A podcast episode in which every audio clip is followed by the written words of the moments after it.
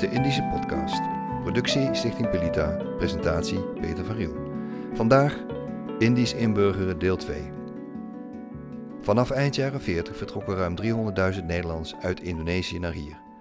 Ze waren niet langer welkom in de kerstverse republiek van ingenieur Sukarno. De Indische podcast vertelt hun verhaal van de aankomst, van het aanpassen en inburgeren in Nederland. Van verdriet en vreugde. Hoe verging het hen de afgelopen 70 jaar? Maud van Zuchtelen van der Haren werd geboren in 1931 in Tegal aan de Javaanse noordkust. Een zorgeloze jeugd werd in 1942 wreed verstoord door de Japanse invasie. Vader werd gevangen genomen. Moeder bleef achter met de kinderen, waarvan drie pubermeisjes. Gevangenen in ons eigen huis, zo typeert Maud die tijd. Want zij werden, gekleurd als zij waren, niet in een kamp geplaatst, maar wel voortdurend geïntimideerd, bedreigd en geboycott. Door de Japanners, maar ook door de Javaanse buren.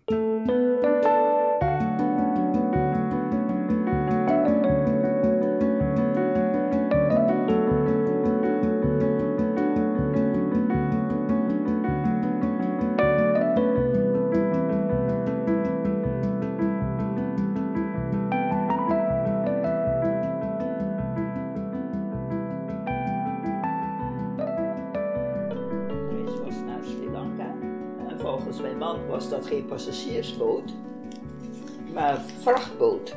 Ja, ik heb geen verstand van, want ik was nog jong. Maar dan kregen wij zo'n bak met soep. En de meeste mensen waren kotsmisselijk vanwege dat schommelen. En niemand kon die bak soep overboord gooien. Want de kok zegt, dat moet leeg. Nou, en mijn zusje en ik, we waren ook maar klein. Met die soeptrommel. Want wij hadden wel gegeten, we waren niet zeeziek, maar de meeste mensen wel. Dus soep. En dan dacht je als kind, zonde, dat je die soep moest weggooien, maar niemand had het. En de werknemers zijn mensen uit India. En wij als jong kind praat je geen Engels, geen andere taal. Maleis praktisch niet, alleen maar Nederlands. Dus als ik aan die dingen terugdenk,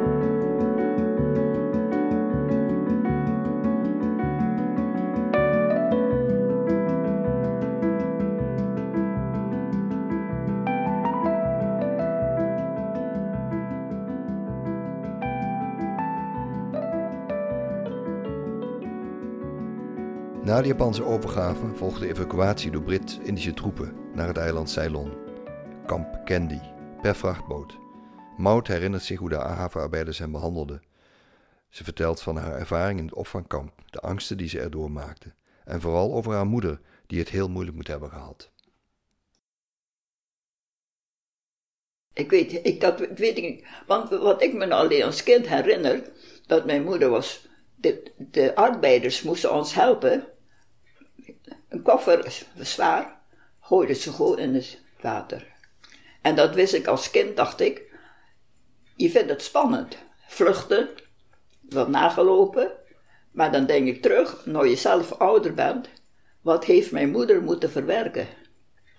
Want die koffer, daar zitten allemaal belangrijke spulletjes voor haar. Als kind was zeg het niks, want het zijn nou ja brieven van vroeger. En als je naar die dingen terugdenkt, dan denk je, wat hebben ouders veel te verwerken met ons nu.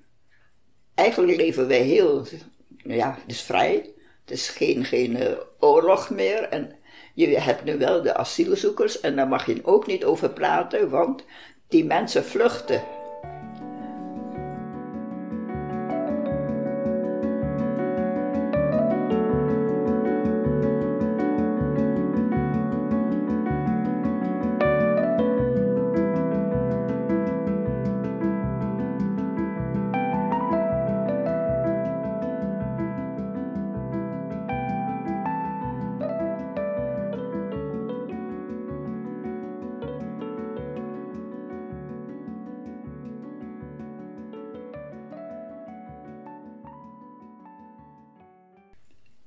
Je weet niet anders dan, je plaatst je gewoon, je moet gewoon luisteren, want dat is ook een, mijn dokter heet dokter De Graaf, maar er was een buurvrouwtje in Sri Lanka, is een Hollandse, en die heet ook De Graaf. En die zei, zou jij voor mij in de kantine van de Engelsen iets willen halen. Want ik kan niet lopen. En als, als kinderling natuurlijk doe ik dat. Want ik kan lopen. En zulke dingen. Dan moet je je eigen douche en wasgelegenheid zelf wassen. En dan heb je. Ik, ik heb het verschil tussen iemand van Sri Lanka of van Ceylon. Ze zijn allemaal donker. En mijn zusje die werd opgesloten terwijl ze bezig was de wc te schoon te maken. Want onder, dit, dit is de ruimte van de grond en dan heb je hier zo'n ding en dan heb je pas een, een, een ruimte.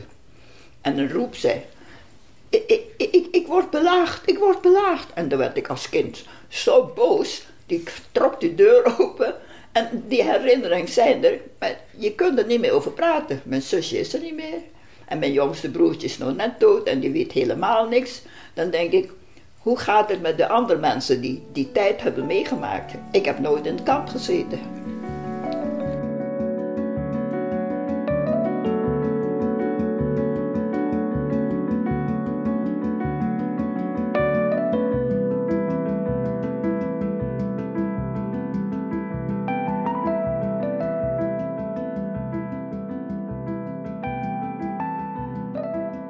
Nieuw-Guinea zou het nieuwe land van de Indo's worden.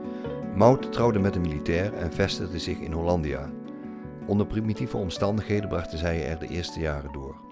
Haar eerste kind werd in 1955 in Hollandia geboren. Maud kreeg een baan en voelde zich zelfstandig en vrij, al had dit ook een keerzijde.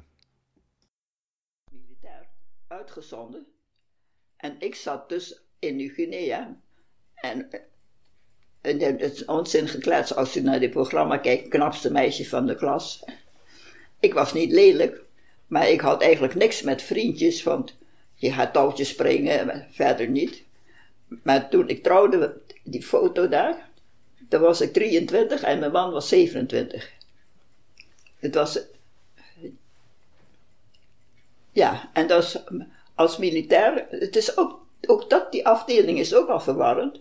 Want eerst was hij bij de landmacht, toen kon hij overgaan naar de luchtmacht, toen werd hij beter betaald. En zulke verhalen, dat neem je wel op, maar het, eigenlijk interesseert je dat niet. Want wat ik nog van hem weet is, ik moest van die staten opschrijven, het is vermoeiend. kwam hij thuis met een tikmachine zo groot.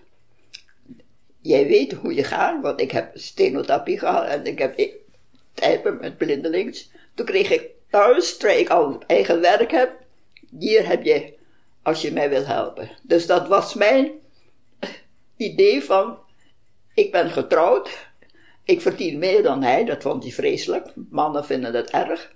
Maar ik had een betere job. En dan denk ik, ja joh, maar ik, ik heb net gewerkt. Ja, maar ik, ik moet alles opschrijven, het is vermoeiend. En dan heb ik een tijdmachine met zo en dat zijn herinneringen die eigenlijk niet leuk zijn.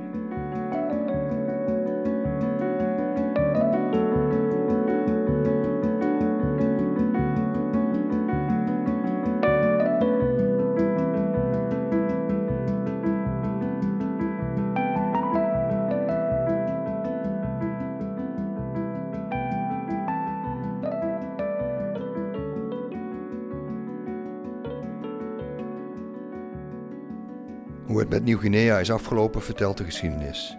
Maud en haar man wilden niet naar Nederland. Een poging om naar Nieuw-Zeeland te mogen immigreren mislukte. Dus werd het dit koude kikkerland. Ik blijf hier even, dan ga ik immigreren. Ik wil weg. Ik, wie blijft nou in dit koude land? Niemand. Dat idee had ik. Maar toen kreeg mijn man, we, zouden, we zijn al ingeschreven in Nieuw-Zeeland. Toen kreeg hij een liespreuk. En toen zei, werd de ambassade belde op, heb jij familie in Nieuw-Zeeland? Want we hebben hier geen geneeskundige hulp. En je man is al over de vijftig, dus dat kan niet. En zo ging het niet door. Toen bleef je dan maar in de koude kikkerland, Holland. En zo ben ik nog steeds hier.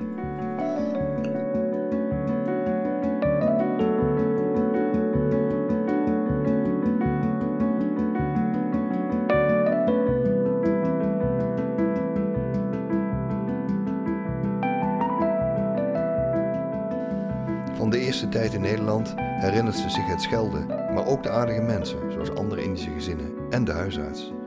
Toch was er weinig contact met de anderen in het dorpje bij Zutphen. Ik heb er geen last van, wat ik van mijn buurvrouw hoort, dat ze toen werd genoemd Pinda Chinees. Hebben ze me nooit toegeroepen. Want ik kan familie Hout, dat is ook een Indische familie, in Warnsveld. En die vond het altijd eh, prettig dat wij als Indischen zijn buren zijn geworden. Maar verder heb je als kind praktisch geen contact met je buren. Dat is heel anders. Je, je groeit alleen maar en daarmee denk het is oké. En alleen weet ik mijn familie houdt. Want het is gek. Dokter De Graaf heeft een hulp, heet Mager. Ik ken wel mijn tante Dik. En de, met een mager. En die, mager, die arts is ook mager. Maar dan denk ik, die onthoudt zulke dingen.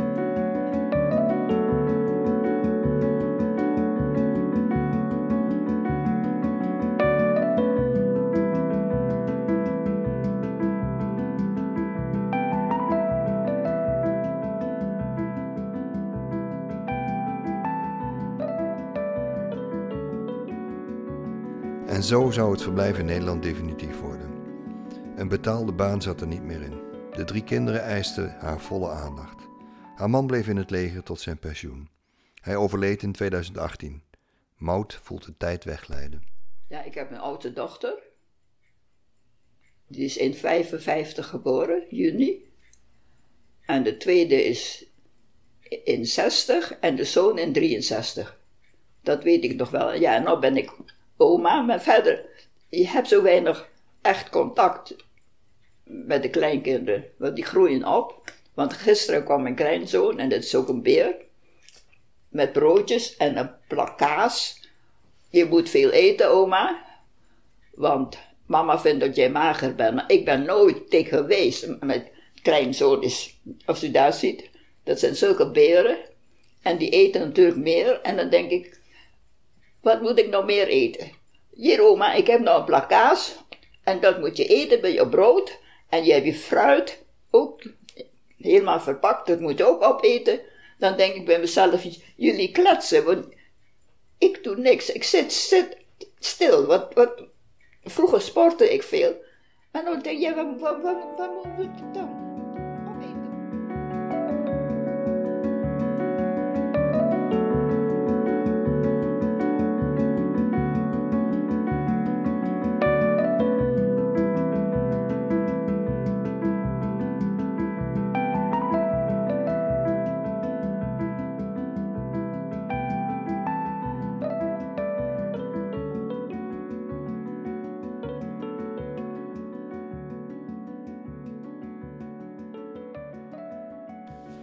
Herinneringen lopen door elkaar heen. Gedachten aan vroeger vermengen zich met ontmoetingen in het heden. Corona houdt haar enorm bezig. De kinderen en kleinkinderen ziet ze nog maar weinig. Het wordt een schraal leven daar in haar appartement op de Vijverhof in Nijmegen. Ik mag blij wezen dat ik het geluk heb dat ik gezond ben. Ik bedoel, je hoort zoveel mensen om de. Ik heb altijd verschillende verpleeghulp hier. Die is dood vanwege corona. Dan denk je, hoe kom je aan die besmetting? Door schoolkinderen. Want ik heb kleinkinderen die zitten ook op school. En die zeggen ook, je zit in een klas. En die kinderen, als je het gaat niezen of zo, u heeft ook nog zo'n ding om. En dan denk je, dat is besmettelijk, waarom doet ze dat dan? Houd dan die dingen op. Nee, want schoolkinderen hebben dat niet. Ik heb schoolkinderen, die zijn allemaal gelukkig gezond, maar dan denk ik, er zijn ouders waarvan ik hoor, mijn dochter was lerares, die op school komen zonder eten. Dan denk ik, zijn er zulke arme mensen dan onder de Nederlanders nog? Hoe kan dat nou? We, we hebben toch allemaal redelijk inkomen.